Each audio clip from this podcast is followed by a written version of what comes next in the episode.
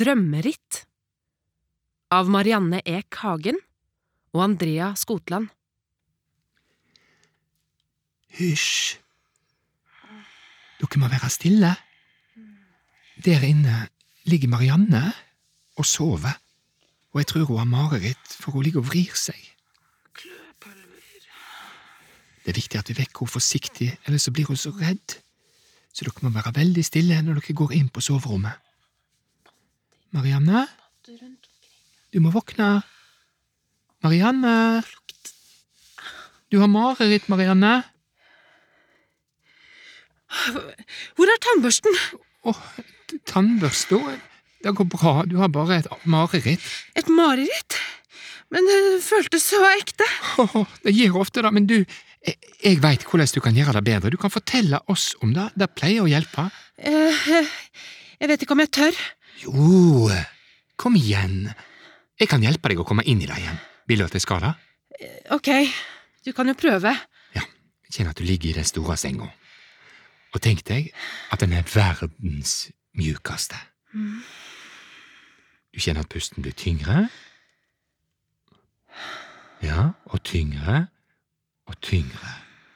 Og så ser du ting som flimrer foran deg. Forskjellige farger, merkelige bilder, og du kjenner følelser av mange slag. Og du har begynt å drømme. Og I drømmen ligger mammaen min foran meg. Hun er blek i huden og innhul i kinnene. Det ser nesten ut som hun har visnet. Hun er blitt veldig syk, og det renner en tåre fra øyet hennes. Mamma strekker hånden sin mot meg. I den ligger det en magisk tannbørste. Hun sier at jeg ikke må vise den til noen, og at den alltid skal passe på meg. Hvis jeg blir redd eller trenger hjelp, skal jeg gi den litt blyantspiss. hva er- mener du med blyantspiss? Sånn som kommer ut av blyantspisseren når du har spisset en blyant, vet du. Å å ja, Og så skal man si magiske børste, spis og bli vis. Så vil den våkne til live. Moren min gir meg et kyss på kinnet, og det er siste gang jeg ser henne før hun dør. Pappa er så lei seg. Jeg prøver alt jeg kan å trøste han, men ingenting hjelper. Etter en stund sier han at jeg må bo hos tante en stund, fordi han har mer enn nok med å passe på seg selv. Jeg trygler og ber om å slippe, fordi jeg har aldri vært hos tante alene før og kjenner henne ikke så godt. Pappa beklager, men lover at han skal hente meg så fort han kan. Så flytter jeg til tante. Hun har tre barn som er mine søskenbarn, og de er skikkelig rampete. Oh. Tante har altfor mye å gjøre, så hun ber meg om hjelp til å brette sammen klær og ta oppvasken. Jeg får hjelp av tannbørsten og gjør alt kjempefort. Når tante skjønner hvor flink jeg er til å jobbe, gir hun meg enda mer å gjøre. Jeg må male huset, tørke støv fra alle hyller i huset, pusse vinduer, vanne plantene, sortere sokker og hogge ved.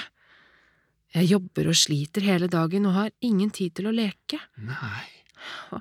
Og hver gang jeg får nye ting å gjøre, tar jeg frem den magiske tannbørsten og sier Magiske børste, spis og bli vis. Og så får jeg hjelp til å gjøre alt i superfart. Med en gang jeg er ferdig, får jeg mer å gjøre. Tante kaster ei bøtte med grus utover stuegulvet og ber meg rydde opp før det kommer besøk. Jeg klarer alt sammen, men men søskenbarna mine blir sjalu fordi jeg er så snill og gjør alt jeg blir bedt om. De blir enda eklere og slemmere. Kaster grusen på meg. Dytter meg og, og tar fra meg maten min og godteriet mitt. Nei. Jo, om kvelden før jeg skal legge meg, har jeg krøller i magen, og hodet grubler på når pappa kommer tilbake og hva som skal skje. En kveld får jeg beskjed om å lage kløpulver. Det må være ferdig før det blir morgen. Jeg skal lage deg nypefrø som jeg knuser i en morter. Hva hva er en morter igjen?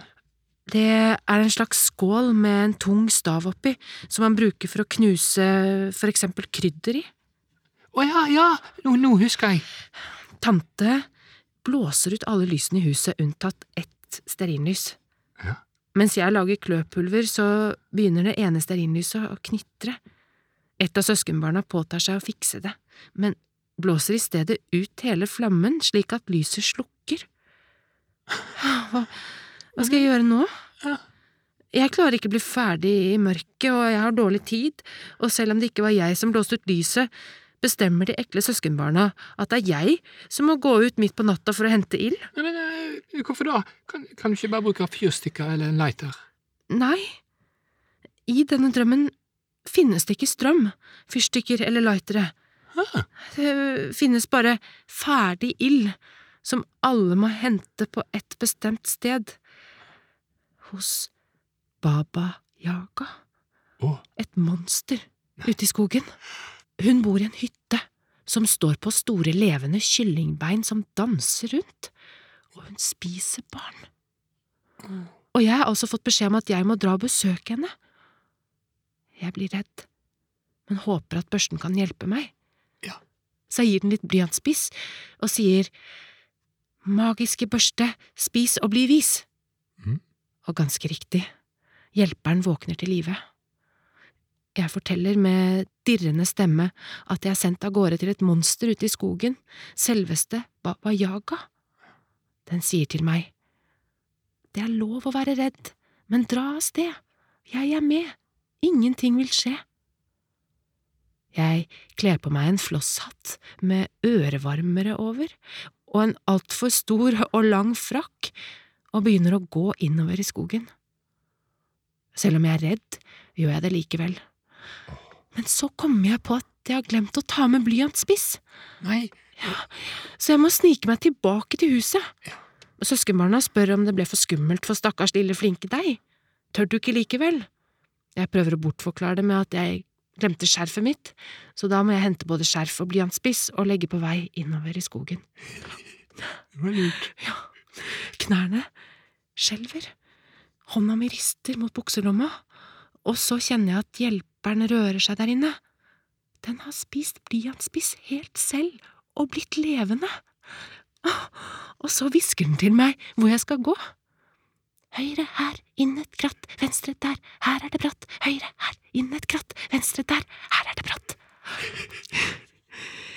Etter en lang tur gjennom tette kratt, over en vulkan, gjennom en undervannstunnel, på seiltur over et regnbuevann, gjennom en froskedam og på flyvetur med en tordensky, kommer jeg frem til en port laget av menneskeknokler dypt inne i skogen.